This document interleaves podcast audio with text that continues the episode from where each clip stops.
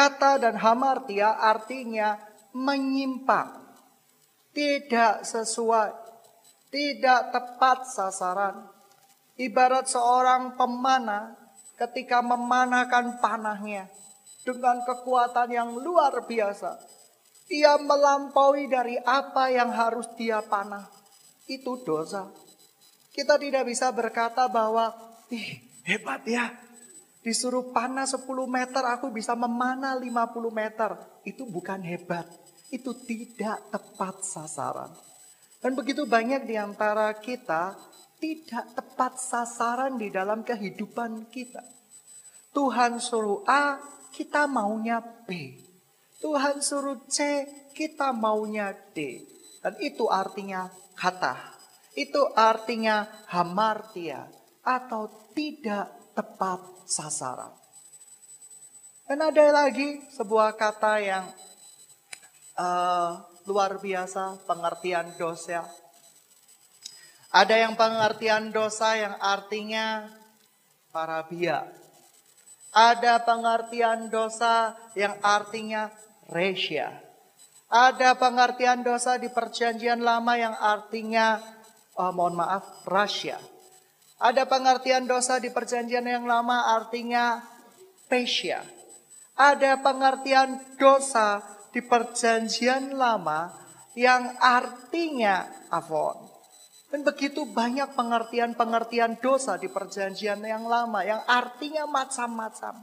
Pesia, pesia adalah dosa pemberontakan, dosa melawan, ada lagi di perjanjian baru pengertian dosa adalah seperti ini. Kalau kamu melakukan lima kali, Tuhan suruh tujuh kali, kamu sudah dosa. Adalah tidak tepat melakukan perintah Tuhan, itu dosa. Ada parakonia, anokia, anokokia, Begitu banyak seperti pengertian dosa. Tetapi hari ini saya akan membahas beberapa pengertian dosa seperti yang pernah sering umum kita dengar. 147 kali digunakan di dalam Alkitab di perjanjian baru yaitu hamartia. Hamartia artinya tidak tepat sasaran. Seperti seorang pemanah, ia tidak bisa memanahkan panahnya dengan tepat pada tujuan. Itu mengerikan sekali. Begitu banyak orang yang hidup di muka bumi ini tidak mengerti. Lebih mending tidak tepat sasaran. Tapi lebih konyol lagi tidak tahu sasarannya apa. Berapa banyak Anda tidak tahu sasaran kehidupan Anda itu apa? Siapa yang nggak ngerti yang katakan? Apa sih tujuannya gue hidup itu apa sih? Shalom. Karir. Gak ada yang ngerti. Dosa loh. Dosa. Ya, tidak tepat sasaran saja sudah dosa. Apalagi kagak tahu sasarannya apa. Lebih dosa lagi. Itu pengertiannya adalah beroposite dengan Tuhan. Menjadi oposisinya Tuhan. Kamu mengerti oposisi? Kamu bisa bayangkan presiden dengan DPR. Pihak oposisi itu presiden buat baik juga disalahkan. Presiden buat seperti ini juga disalahkan. Dan begitu banyak sifat dosa yaitu kita mengambil oposisi dengan kehendak Tuhan. Gereja melakukan ini salah. Gereja melakukan ini salah. Yang benar apa? Tidak tahu. Yang benar yaitu suka-suka pikiran saya. Dan begitu banyak orang yang mengambil oposisi dengan rencana Tuhan. Saya lebih baik menjadi oposisi, yaitu pengkritik rencana Tuhan. Supaya apa? Supaya rencana Tuhan itu bisa berjalan baik dengan benar. Ngawur. Ini pengertian dosa. Ini mengambil oposisi dengan Tuhan. Mengambil berseberangan dengan Tuhan. Ini mengerikan sekali. Dan begitu banyak sifat dosa ketika saya pelajari di dalam firman Tuhan. Ini benar-benar yang luar biasa. Ada yang parakon. Ada yang artinya Anda duduk jatuh tapi tidak tegak lurus, tetapi tergeletak itu juga dosa. Lalu yang benar yang mana? Mari kita pelajari sama-sama dari bahasa yang paling sederhana. Saya tidak akan mengajarkan pelajaran Ibrani, memamerkan bahasa Ibrani, tetapi saya mau mengajarkan detil-detil yang kalian pahami. Hamartia. Hamartia itu artinya seperti ini. Anda harus tahu sasaran Anda apa. Anda harus tahu cara menembakkan sasaran itu. Dan Anda sudah bisa melakukan dengan baik. Itu tidak menjadi dosa. Tetapi yang jadi masalah, Anda melenceng dari sasaran Anda. Anda dipanggil Tuhan untuk dalam tanda kutip menjadi seseorang yang melayani Tuhan di marketplace tetapi sasaran Anda berubah. Sasaran Anda berubah. Anda menjadi seorang penyanyi di marketplace. Itu masalah enggak? Oh masalah. Itu menyimpang dari rencana Tuhan. Dan yang paling konyol, tidak tahu rencana Tuhan itu apa. Itu bukan dosa, tapi dosa besar rasanya. Ya, Lalu lu hidup di muka bumi ini mau apa? Tidak tahu. Tidak tahukah bahwa hidup kita di muka bumi ini begitu sementara. Kemarin ketika saya merenungkan saat-saat masa saya kecil, masa saya remaja, masa saya dewasa, begitu cepat dilalui. Seakan-akan seperti sebuah mimpi saja. Dan tiba-tiba saya bisa sebesar ini. Dan tidak tahukah Anda bahwa bumi ini adalah sebuah persinggahan sementara. Adalah tempat mampir sementara di mana Tuhan rindu, kita tahu tujuan kita di dalam bumi ini. Hamartia, diperingatkan Tuhan 147 kali bukan dengan tanpa alasan. Tuhan mau kita punya sasaran yang jelas di dalam kehidupan kita. Tuhan mau kita melakukan segala sesuatunya itu tidak separuh-separuh, tetapi dengan sepenuh hati, dengan segenap hati. Dan ada begitu banyak pengertian dosa yang saya sudah sebutkan di perjanjian lama. Similar with kata. Uh, mirip dengan kata-kata. Tidak tepat sasaran. Sidang jemaat yang dikasih Tuhan. Berapa banyak kita ketika kita menjadi percaya. Kita mulai introspeksi diri kita dan menanyakan. God, apa tujuan hidupmu di dalam hidupku? Sebab ketika kita tidak tahu tujuan kita itu adalah dosa. Ketika Anda tahu tujuan Anda pun, tetapi Anda tidak melakukannya seturut perintah Tuhan, itu pun dosa. Ada sebuah kata dosa di dalam perjanjian baru. Tuhan suruh lima kali, kamu melakukannya tiga kali. Itu dosa. Sidang jemaat yang dikasih Tuhan, begitu banyak kita hidup di dalam bayang-bayang dosa. Oleh karena itu kita butuh Tuhan. Kita butuh roh kudus yang bertata di hidup kita untuk melawan kuasa-kuasa dosa. Anda tidak mungkin bisa hidup melawan dosa tanpa ada roh Tuhan yang ada di dalam hidup Anda. Roh Tuhan yang di dalam hidup Anda akan menjadi seorang penolong, seorang bapa di dalam kehidupan Anda. Kita mengenal sifat-sifat Bapa di dalam perjanjian baru. Tetapi kita kadang harus belajar sifat-sifat Bapa di dalam perjanjian lama. Bapa di dalam perjanjian lama adalah Bapa yang bertengkar dalam tanda kutip. Dia bertengkar dengan umatnya. Seperti seorang ayah yang bertengkar dengan anaknya ingin meluruskan ide-ide dan pikiran anaknya yang sudah terkena oleh racun-racun dunia. Mereka disebut dengan pengertian bapa yang bertengkar. Berapa banyak kita memiliki ayah yang bertengkar dengan Anda? Berbahagialah kalau Anda bertengkar di dalam tanda kutip. Bertengkar artinya apa? Ayo kita adu argumentasi. Ayo Benar nggak pendapatmu itu? Ayo, kamu memiliki pengertian yang sudah benar atau tidak? Ini luar biasa sekali. Kita sering kali mengindukan figur Bapa di perjanjian baru. penuh kasih. Seperti Bapak yang menyambut anaknya yang hilang. Tapi kita kurang mau belajar pengertian Bapak di perjanjian yang lama yang tidak kalah luar biasa. Bapak yang bertengkar. Berapa banyak Anda memiliki ayah? Dan ayah Anda melarang Anda. Jangan naik sepeda.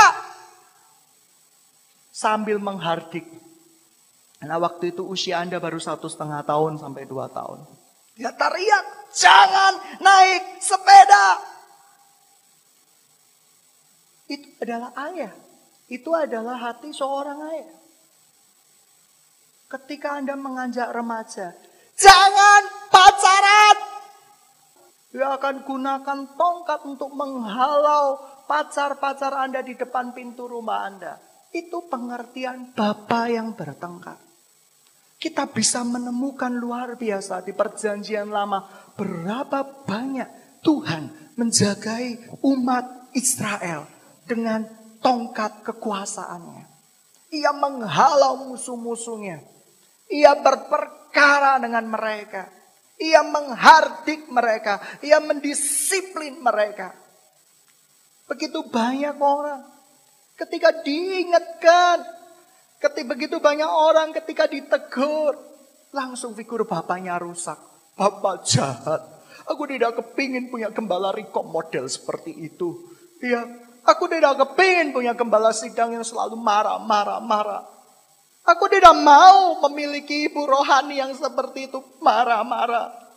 Padahal itu adalah sebuah figur Bapak di perjanjian lama. Bapak yang bertengkar. Bertengkar artinya bukan dalam konotasi yang negatif, tetapi dalam konotasi yang positif. Ia berusaha membuat Anda tidak berbelok dari sasaran Anda. Membuat Anda tidak menjadi sebuah dosa yang artinya kata atau tidak tepat sasaran. Jikalau Anda memiliki ayah yang sering bertengkar dalam tanda kutip dengan engkau, berbahagialah. Itu bentuk kasih Tuhan. Ia mau kamu lurus. Ia mau kamu tepat sasaran. Tapi ia tidak ingin anaknya melenceng dari sasaran semula. Puji Tuhan. Yang kedua, Bapak di perjanjian lama adalah Bapak yang berperang. Kamu lihat perjanjian lama, isinya perang terus. Menyenangkan, tidak menyenangkan. Tapi Bapak harus berperang. Untuk apa? Untuk meyakinkan anak-anaknya bahwa Tuhan ada di balik semuanya itu. Tuhan membela mereka. Tuhan adalah Tuhan yang menjaga mereka. Kita tidak mengerti kenapa Tuhan izinkan peperangan itu ada. Itu sebuah pembuktian kasih Bapa. Kamu pernah lihat ayam? Siapa yang hidup di desa angkat tangan? Pernah hidup di desa? Kamu pernah pernah ternak ayam? Oh, enggak pernah. Kamu ternak apa? Ternak babi? Ternak cicak? Wah, gitu ya.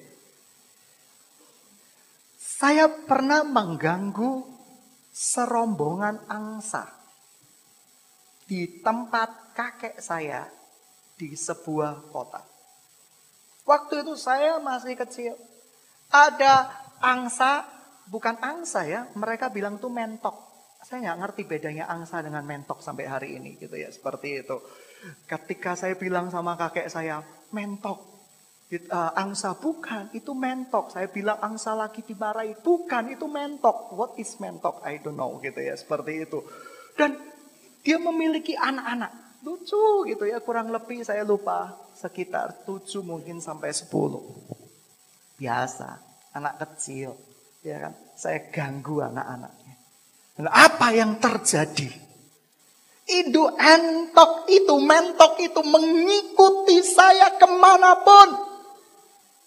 Dia, dia ikuti saya, saya sampai takut sekali. Dan bagian yang disasar adalah bagian yang empuk yang diciptakan Tuhan itu dihukum alias pantat. Waduh, saya teriak ke kiri, teriak ke kanan, sedikit nangis. Tapi saya cowok, gengsi, saya lari ke sana, dia terbang. jahat sekali binatang itu. Gitu ya seperti itu. Jangan pernah ganggu binatang itu. Oh, dia kalian akan diterkam, kalian akan di apa ya dipatuk seperti itu. Itu pengertian Bapak. Kau berani ganggu anak-anakku. Dia akan muncul sebagai Bapak yang kelihatannya mengerikan. Ia akan tumpas habis musuh-musuhnya. Ia akan hancurkan musuh-musuh yang melawan anaknya yang sudah berbuat benar. Luar biasa. Bapak yang kelihatannya mengerikan. Sering orang menganalogikan bahwa Bapak di perjanjian lama adalah Bapak yang salah. Oh tidak benar. Ini Bapak yang benar. Bapak yang berperang. Bapak yang membela kehormatan anak-anaknya. Dan itu sesuatu yang luar biasa. Sesuatu yang merupakan gambaran luar biasa tentang Bapa di masa depan. Sidang jemaat yang dikasih Tuhan. Jikalau engkau punya Bapa rohani, Jikalau engkau punya Bapa sorgawi, semua keinginanmu serasa dipatahkan. Tapi sidang jemaat yang dikasih Tuhan, jikalau engkau punya Bapa sorgawi, yang hari-hari ini sedang menyetop semua keinginanmu. Dan sedikit-sedikit kamu pergi masuk di dalam sebuah pekerjaan gagal. Masuk ke pekerjaan berikutnya gagal. Jangan-jangan engkau sedang mengalami lawatan kasih Bapa. Dalam hal apa? Saya nggak melihat, gagal terus. Kamu tidak bisa melihat yang Tuhan lihat. Tuhan sedang membela engkau. Tuhan sedang meluruskan jalanmu. Kasih salam kiri kanan. Hari-hari ini, jikalau engkau merasa gagal, sebenarnya engkau sedang mengalami kasih Tuhan. ngomongnya yang benar-benar tulus ya. Mengalami kasih Tuhan. Nah, sidang jemaat yang dikasih Tuhan, kita sering kali marah dengan Tuhan. Tuhan, saya sudah ngelamar kerja 100 kali, 99 ditolak, satunya diterima. Kamu kok kelihatannya kok betul-betul Tuhan ini tidak sayang sama saya. Belum tentu. Kamu tahu bangsa Israel dibuat merana dalam tanda kutip. Dibuat tidak menerima apa-apa. Sebagai perwujudan kasih Tuhan. Kasih Tuhan bukan selalu kasih yang memberi. Tapi kasih Tuhan adalah kasih yang mempertahankan tujuan dari anak-anaknya. Seperti seekor mentok yang membela sepuluh anak-anaknya yang saya godain. Dia begitu jahat kelihatannya. Dia begitu seperti seorang pemburu. Ia ingin menyakiti saya. Tetapi saya tahu itu bentuk perwujudan kasih Tuhan. Kasih Bapa. Kalau kamu punya seorang ayah, misalnya engkau seorang pria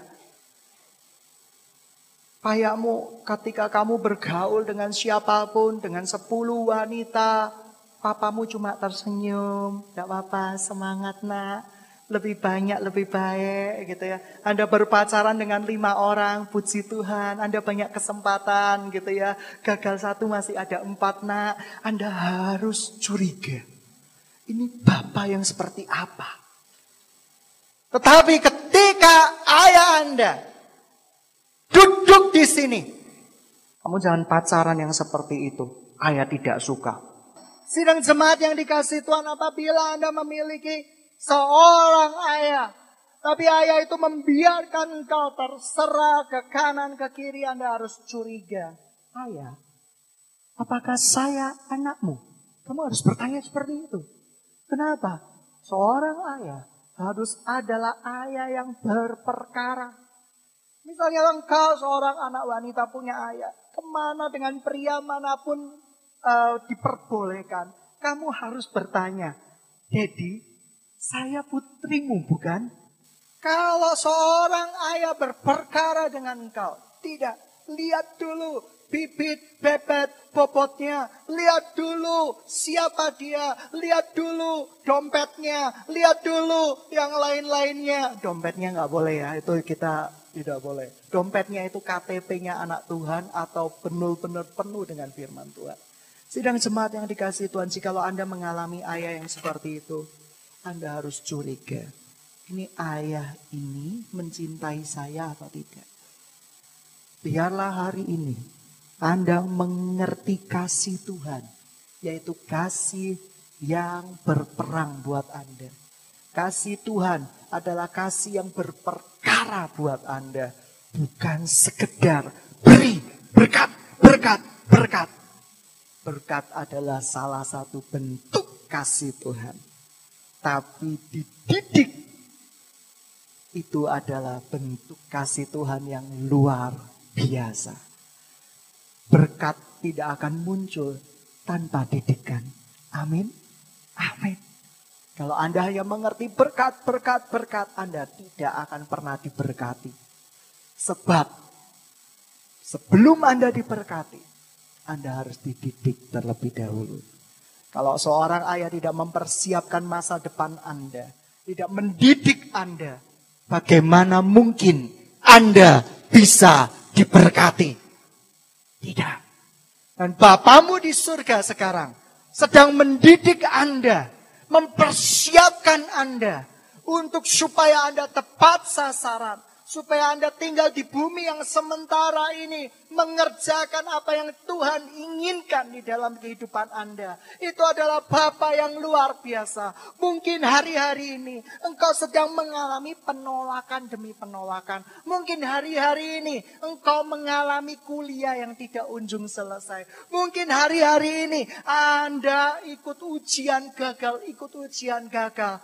Percayalah, Tuhan sedang mengasihi Anda. Kok bisa? Karena Tuhan sedang melatih Anda supaya Anda tepat sasaran, supaya Anda punya fighting spirit.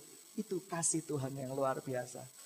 Dan bentuk kasih Bapak yang ketiga di dalam perjanjian lama adalah bentuk kasih Bapak yang menghukum. Kita ini senang mendengar anak yang hilang. Kelihatannya nggak dihukum. Kelihatannya diterima, sebenarnya dia sudah dihukum.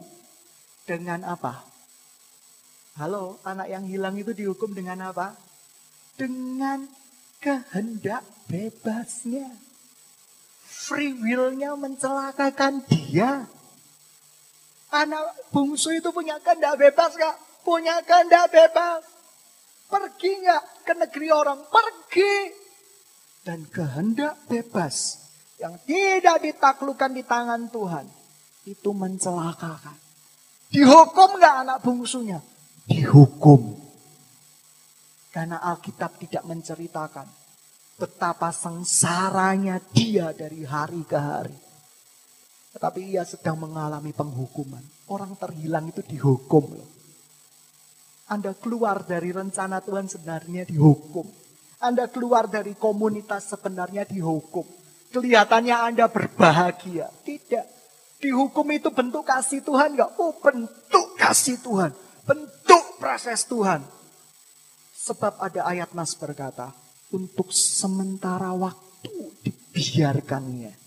Dan mungkin Anda sedang mengalami untuk sementara waktu. Kelihatannya dibiarkan Tuhan. Anda ngelamar kerja, ditolak. Apa ini? Lulusan mana? Petra. Lulusan mana? Ubaya. IP berapa ini? Kok 1,9 berani ngelamar kerja ke tempat saya? Anda mengalami lembah-lembah air mata. Gitu ya. Ini dari sekolah mana ini? Gitu ya. Oh, ini di sekolah uh, Ubaya. IP-nya berapa? 3,9. Minta gaji berapa? 9,4. Sudah, terima kasih. Kita mengalami penolakan. Kita mengalami yang namanya masa-masa dibiarkan Tuhan. Anda mungkin mengalami masa-masa dibiarkan Tuhan untuk berbuat dosa. Dalam tanda kutip. Tuhan itu bukan Tuhan yang membiarkan berbuat dosa loh ya. Tetapi Anda seakan-akan dibiarkan tanpa bimbingan Tuhan. Setiap hari tenggelam dengan DVD porno. Sekarang mungkin tidak DVD ya. Tenggelam dengan situs-situs porno. Setiap hari tenggelam gitu ya. Dengan buka berita-berita gitu ya. Akankah ada rasmani? Akankah ada demo? Setiap hari diisi dengan ketakutan. Setiap hari diisi dengan handphone. Setiap hari Anda lebih mungkin lebih takut kehilangan handphone Anda daripada kehilangan Tuhan. Anda dibiarkan mengalami masa-masa seperti itu. Supaya Anda tahu dan saya tahu bahwa pembiaran itu tidak lepas dari hukum-hukumnya Tuhan. Maksudnya apa? Maksudnya demikian. Anda boleh dibiarkan. Anda boleh mengalami masa penghukuman. Anda boleh mengalami masa-masa lembah air mata. Anda boleh mengalami masa-masa keterikatan. Tetapi mata Tuhan tetap memandang Anda dan tidak pernah dibiarkan sedetik pun Anda luput dari rencananya. Sekali lagi itu hatinya Tuhan. Ketika saya lihat Israel di perjanjian lama ini mengerikan, ini bangsa kurang ajar ini sampai sekarang. Sampai sekarang. Ini bangsa yang nggak ngerti, tidak tahu diri. Tetapi mata Tuhan kenapa tetap memandang dia? Kenapa mata Tuhan tetap memberikan batasan-batasan? Dia mungkin berkata sama iblis, iblis, dia sedang jatuh dosa di dalam pornografi. Tapi saya punya batasan dengan engkau. Jangan ambil nyawanya. Jangan ambil nyawanya. Sebab aku tahu roh yang ada di dalam dia jauh lebih besar daripada semuanya itu. Itu bentuk kasih Tuhan. Anda mengalami keheningan kalian jerit-jerit doa Tuhan aku kok gak merasakan seperti dulu lagi. Itu bentuk kasih Tuhan. Saya punya permainan. Sering kali saya suka godain anak-anak saya. Saya waktu mereka kecil satu setengah tahun, dua tahun, tiga tahun. Saya sengaja kancing sendirian di kamar mereka ketakutan gitu ya. Uh, senang rasanya ketakutan gitu ya. Ini bapak yang normal atau tidak ya? Ketakutan. Dia teriak, papa, papa. Wah saya pegangin kunci kamarnya. Tapi saya tahu perlahan-lahan saya intip, perlahan-lahan saya intip papa. Dan ketika dia teriak, dia menangis. Saya pun juga menangis dalam hati. Oh masih perlu papanya gitu ya. Oh masih ingat papanya. Oh masih ingat gitu ya. Kalau dia tidak berteriak apa-apa di kamar, tidak merasa takut, tidak merasa apa-apa, saya yang bingung. Nah, kamu gak takut dah? Gitu ya. Nah, kamu gak apa-apa kah? Sedang jemaat yang dikasih Tuhan. Kita mungkin seperti anak kecil yang dibiarkan di dalam ruangan gelap tetapi dalam batas-batas kekuasaan Bapa kita. Ia tidak akan pernah membiarkan maut ada di dalam hidup kamu. Kecuali kamu mengundang dosa maut. Apa? Minum obat. Apa? Mau bunuh diri. Itu dosa maut. Ya kan? Kamu nggak free will. Tapi selama kamu tidak melakukan hal-hal seperti itu, Tuhan menjaga kamu di dalam batas-batas kekuasaan iblis. Kamu baca Ayub. Ayub, kamu boleh melakukan apa pun juga. Tapi jangan satu ini. Kamu nggak boleh ambil nyawanya. Apa yang kamu alami sekarang sidang jemaat yang dikasih Tuhan? Merasa dibiarkan Tuhan? Siapa yang merasa dibiarkan Tuhan? Jujur angkat tangan, ayo. Oh nggak ada, saya aja. Oh gak ada, gak ada yang ngaku. Puji Tuhan gitu ya. Jadi siapa yang membiarkan, merasa dibiarkan Tuhan, itu adalah pengakuan alami. Ya, kadang saya merasa dibiarkan Tuhan jalan sendiri. Kadang saya dibiarkan Tuhan tidak dituntun. Tapi itu adalah bentuk kasih Tuhan. Kamu tahu, ketika saya menjadi seorang ayah, saya memegang pintu dan melihat anak saya mengetuk-ngetuk nangis. Bukan bapak yang stres ya. Saya bahagia. Mereka merindukan saya. Mereka menanti saya. Sedang jemaat yang dikasih Tuhan. Ketika engkau mengalami masa-masa pembiaran dalam kutip oleh Tuhan, berbahagialah. Engkau sebenarnya sedang diperhatikan ekstra sama Tuhan. Betul. Ketika saya menutup pintu kamar saya, mengintip anak saya yang sendirian, saya menjaganya dengan ekstra. Ya kecuali saya kunci pintu, saya pergi ke mana, saya biarkan anak saya itu ngawur. Tidak. Kamu sedang dijaga sama ekstra. Mungkin doamu tidak kunjung dijawab. Tuhan, saya kepingin dapat pekerjaan. Sampai sekarang tidak dapat pekerjaan. Doamu sedang dijawab Tuhan. Kenapa? Karena Tuhan memperhatikan engkau lebih. Itu bentuk kasih Tuhan. Dan berikutnya, Yudas, mayat Musa, itu pernah dijadikan sengketa. Itu ada pemimpin besar dari penghulu malaikat yang namanya Michael. Itu menghardik iblis. Iblis, jangan ganggu mayatnya Musa. Ya kan? Mungkin iblisnya berkata, apa arti sebuah mayat? Tapi iblis tidak boleh menjama sedikit pun. Karena apa? Karena Tuhan mau berperkara dengan janjinya. Musa akan mengalami kemenangan, yaitu kehidupan yang kekal. Oleh karena itu iblis tidak boleh menyentuh mayatnya. Tidak boleh mengapa-apakan mayatnya. Tapi kenapa iblis sampai lancang? Bisa mengambil mayat Musa, memperebutkan mayat Musa. Karena iblis adalah semua pendakwa kita. Ia mendakwa Musa atas dosa apa? pembunuhan. Ia mendakwa Musa dengan dosa apa? Ketidaktaatan. Oleh karena itu, Anda coba baca firman Tuhan. Sampai sekarang, gak ada yang tahu mayatnya Musa di mana. Kenapa? Iblis demikian. Karena iblis adalah pendakwa. Tapi Tuhan adalah Tuhan yang tidak pernah mengingkari janjinya. Bahwa Musa akan memperoleh kehidupan yang kekal. Yaitu sebuah rencana masa depan akan keselamatan Kristus Yesus. Yang diperoleh di dalam nama Kristus Yesus.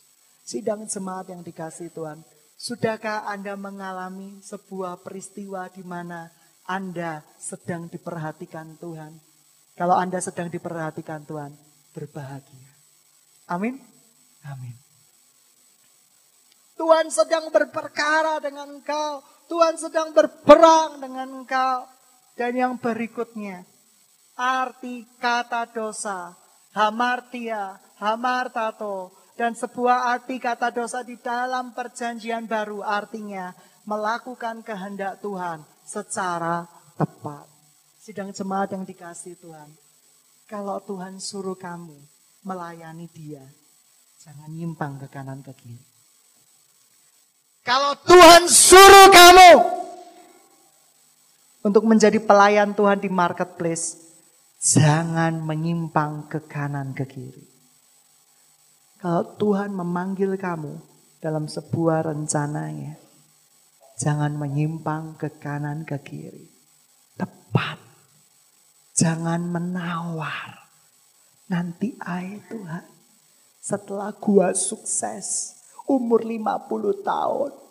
Saya akan melayanimu. 51 kena stroke.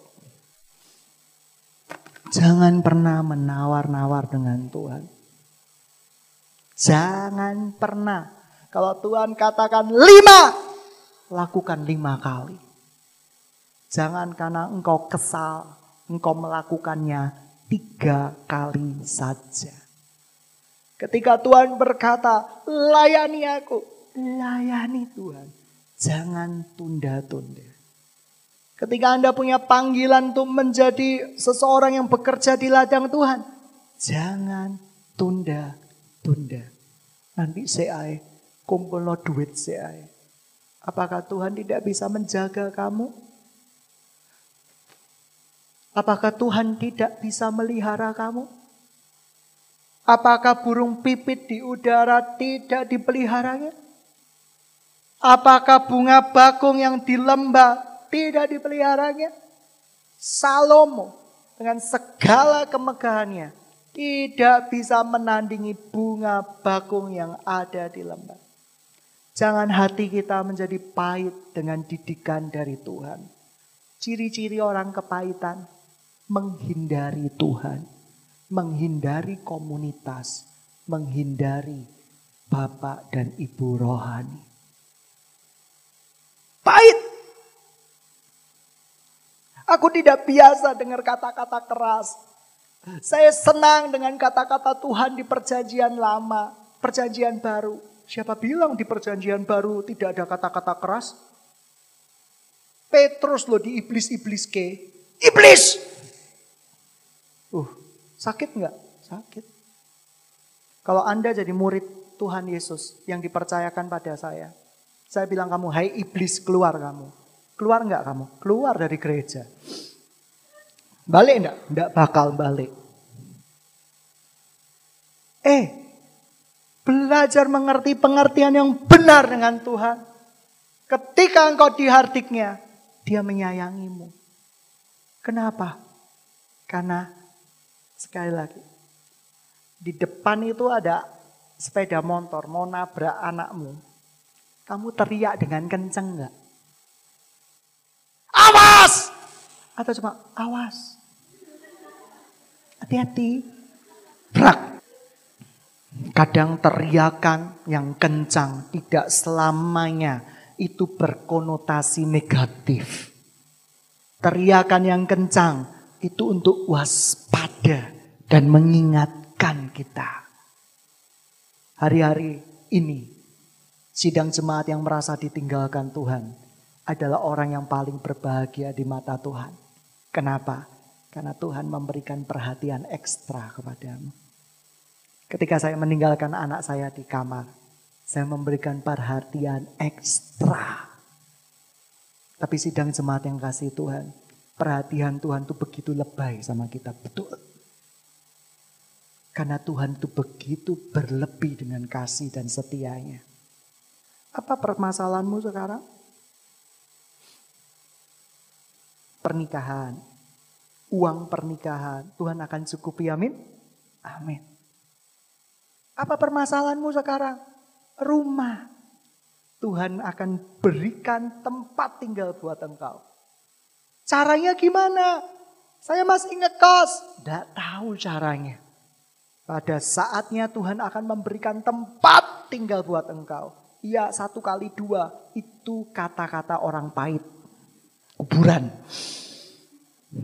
Itu kata-kata orang yang gak mengerti kasih Tuhan. Itu kata-kata orang yang tidak pernah mengerti hati Bapa atau menerima hati Bapa. Tuhan sedang berperkara dengan engkau. Percayalah, ia tidak pernah meninggalkan engkau. Apa yang kamu alami sekarang hari ini? Aku berutang kartu kredit. Tutup kartu kredit Anda. Robek-robek kartu kredit Anda. Selesaikan. Tuhan kita bukan Tuhan yang berutang. Amin. Amin. Jangan. Aku pakai kartu kredit untuk dunia bisnis. Tidak apa-apa. Kan ada diskonnya. Tidak apa-apa. Asal kamu bayar. Ya kan? Bukan buka kartu kredit lagi. Buka kartu kredit lagi. Untuk tutup hutang dan gali hutang. Bijak-bijaklah sidang semat yang dikasih Tuhan. Dan yang terakhir. Mari kita baca firman Tuhan. Di dalam Roma Ayatnya yang ke-9. Tetapi kamu tidak hidup dalam daging, melainkan dalam roh. Jika memang roh Allah diam di dalam kamu, tetapi jika orang tidak memiliki roh Kristus, bukan milik Kristus. Tetapi jika Kristus ada di dalam kamu, maka tubuh memang mati karena dosa, tetapi roh adalah kehidupan oleh karena kebenaran. Dan jika roh dia yang telah membangkitkan Yesus di antara orang mati diam di dalam kamu, maka ia telah membangkitkan Kristus Yesus di antara orang mati, akan menghidupkan juga tubuhmu yang fana itu oleh rohnya yang diam di dalam kamu. Jadi saudara-saudara, kita adalah orang berutang, tetapi bukan kepada daging, supaya hidup menurut daging. Sebab jikalau kamu hidup menurut daging, kamu akan mati. Tetapi jika oleh roh, kamu akan mematikan perbuatan-perbuatan tubuhmu, dan kamu akan hidup. Kita itu punya hutang sama Tuhan. Dan Tuhan itu adalah roh. Kamu nggak punya hutang sama daging. Sehingga kamu mengikuti keinginan daging yang tidak ada habisnya. Anda hidup untuk Tuhan atau hidup untuk makan? Jujur, momen paling makan, bukankah Anda yang paling nantikan? Oh, makan, makan, dan makan. Kalau makan daging adalah momen yang Anda paling nantikan, berarti Anda masih hidup di dalam daging. Punya hutang daging. Dan minta pada daging untuk membangkitkan Anda pada hari kiamat nanti. Oke? Oke. Bilang sama daging, geng. Bangkitkan aku ya di hari kiamat. Karena aku melayanimu luar biasa. Lihat, kamu ku besarkan, ku gendutkan, ku berikan nutrisi. Ya kan? Daging, aku penyembahmu. Ya kan? Daging, aku senang sekali. Aku merawat keinginan tubuhku. Aku lihat cowok ganteng, aku langsung tertarik. Daging, kamu ku sembah luar biasa. Bangkitkan aku ya daging ya. Ayo, berkatalah demikian. Dan jikalau engkau adalah milik Kristus, engkau akan meninggalkan perbuatan-perbuatan daging itu dan membiarkan roh Tuhan yang bertata di dalam hidup kamu. Mematikan perbuatan daging artinya bukan berarti tidak makan. Tidak. Kamu tetap butuh makan untuk bisa melanjutkan hidup. Tetapi Anda tidak terobsesi dengan makanan. Apa salahnya sih? Ya akan mengikuti keinginan daging. Jangan pernah mengikuti keinginan daging. Kamu akan mati. Sekali-sekali berpuasalah. Jangan diet yang dibungkus puasa. Ngomongnya mau diet aja, aksi-aksi rohania, saya mau berpuasa. Iya kan? Kalau kamu cuma nggak makan, nggak minum dari jam sekian sampai jam sekian, nggak pernah doa, itu diet. Jujur, siapa yang pernah berpuasa sungguh-sungguh angkat tangan? Saya pernah punya anak rohani. Lucu. Jenis ini tidak bisa ditaklukkan dengan doa dan puasa. Dia berpuasa. Puasa sungguh-sungguh. Waktu itu ya biasalah nasib anak muda. Dia mencari jawaban Tuhan atas jodoh dia. Gitu ya. Dia terlalu banyak jodoh. Gitu ya. Waktu itu dia berpuasa. Puasanya cukup ekstrim. Jam 12 malam sampai jam 8 malam. Puasa. Tubuhnya berangsur-angsur. Waduh kurus kurus dan kurus. Hasilnya Tuhan jawab enggak? Enggak jawab. Saya kebingungan. Bukankah firman Tuhan ya dan amin? Ternyata dia tidak berdoa selama 40 hari. Dia sedang tidak makan selama 40 hari. Lalu Tuhan itukah disebut dengan berpuasa? Tidak. Itu berdiet. Dan diet tidak akan dijawab oleh Tuhan. Puasa yang dijawab oleh Tuhan. Sedang jemaat mulai yang dikasih Tuhan. Lalu dengan jalan apakah orang perjanjian lama berpuasa? Mereka tujuh kali doa setiap hari. Bukan lima kali loh ya. Tujuh kali doa. Mereka beribadah kepada Tuhan. Mereka benar-benar kontak dengan Tuhan. Anda doanya apa? Sebelum makan dan sesudah makan. Itu bukan puasa nak. Ayo belajar pengertian yang benar. Doa dan puasa. Ya sekali lagi. Kamu punya permasalahan apa? Saya dulu punya permasalahan. Tuhan apakah panggilan hidup saya? Saya puasa dan doa. Dijawab sama Tuhan. Tidak mungkin Tuhan tidak menjawab apa yang sudah dia firmankannya. Kecuali yang menjalaninya agak aneh. Sidang jemaat yang dikasih Tuhan, Tuhan pasti jawab pergumulan Anda. Amin. Amin. Apa sih pergumulan Anda? Berdamai dengan Tuhan. Minta jawaban Tuhan. Kalau Tuhan berkata, tidak nak, kamu punya dosa seksual tingkat dewa. Kamu harus dilembutkan oleh kasihku terlebih dahulu. Nanti kamu nggak atik pacar-pacaran, langsung ketemu nikah. Oh, puji Tuhan gitu ya. Supaya kagak buat dosa yang aneh-aneh. Nah, kamu punya dosa ngegombal tingkat dewa. Oleh karena itu nak, mulai saat ini engkau tidak diizinkan untuk mencari mangsa. Ya kan? Tahu gak dosa ngegombal tingkat dewa? Tiap ketemu lawan jenis, engkau satu-satunya yang kuperhatikan. Ketemu dengan lawan jenis lainnya, engkau satu-satunya yang kuharapkan. Ketemu sama satu jenisnya, engkau yang satu-satunya ada di hatiku. Ini ngegombal. Dan ngegombal itu adalah sebuah warisan dari Lucifer. Ya hati-hati, kalau kita suka ngegombal, jangan-jangan Bapak kita bukan Bapak Yahweh, tapi Lucifer. Bapak Yahweh itu ya dan amin. Ya dan amin tuh kayak gini, nikahi gua atau tidak sama sekali. Ya dan amin. Sidang jemaat yang dikasih Tuhan, oleh karena itu kita belajar pengertian yang benar. Mari kita tundukkan kepala kita. Hari-hari ini sidang jemaat yang dikasih Tuhan. Jikalau engkau mengalami masa-masa pembiaran oleh Tuhan. Seakan-akan kau merasa berjalan sendiri. Seakan-akan kau merasa semua berkat-berkat di dalam kehidupanmu mudah dapat, mudah juga keluar. Percayalah, Tuhan sedang menjagamu lebih daripada sebelumnya.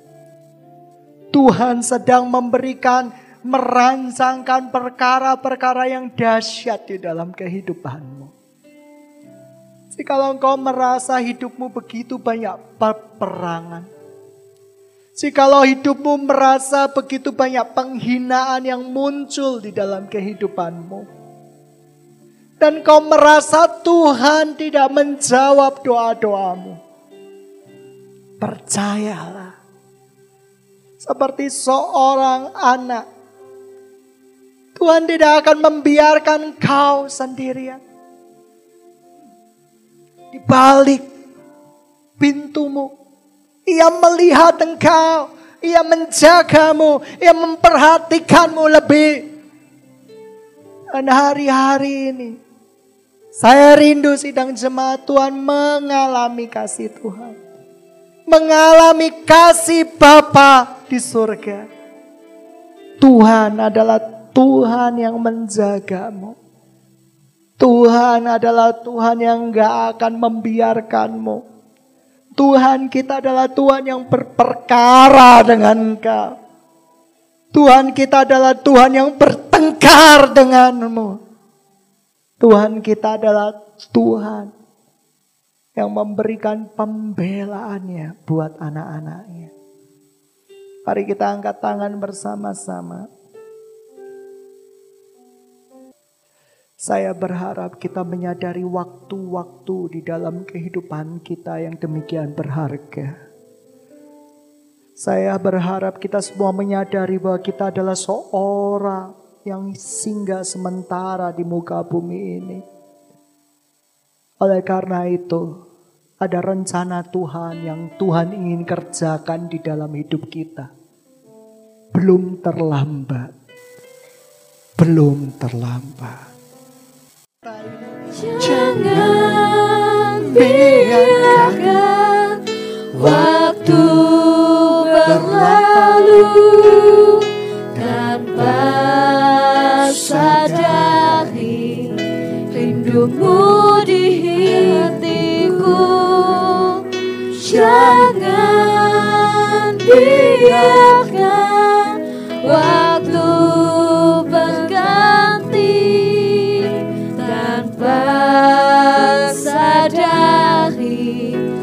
kasihmu di hidupku. Seringkali kita salah duga dengan kasih Tuhan. Beberapa kurang lebih 20 tahun, 25 tahun yang lalu, saya memiliki seorang nenek yang sangat saya cintai. Dulu saya tidak pernah bisa memahami dia. Dia suka memberi saya.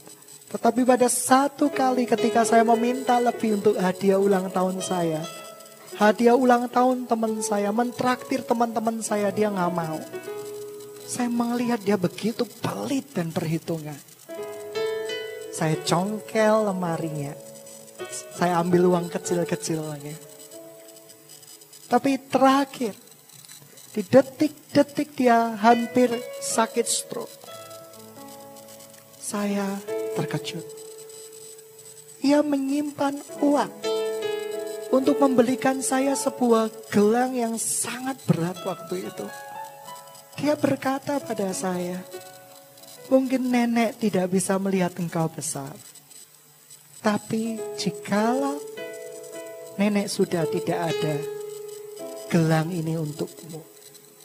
Sidang jemaat yang dikasih Tuhan. Mungkin kau merasakan ayah engkau begitu pelit. Mungkin kau merasakan Bapak di surga seakan-akan begitu pelit. Begitu kurang menghargaimu. Kurang menghargai pelayananmu. Tetapi tidak tahukah Anda? Bapak sedang mempersiapkan sebuah warisan sorgawi yang bernilai buat kehidupan Anda. Yang tidak pernah Anda bisa bayangkan sebelumnya. Atau tidakkah Anda tahu bahwa Tuhan sedang mempersiapkan sebuah warisan ilahi yang membuat engkau tidak bisa menolak lagi akan kebaikan Tuhan. Belajar hati didewasakan. Belajar hati sungguh-sungguh percaya kepada Tuhan kita. Bahwa dia tidak pernah berdusta. Bahwa dia tidak pernah gagal.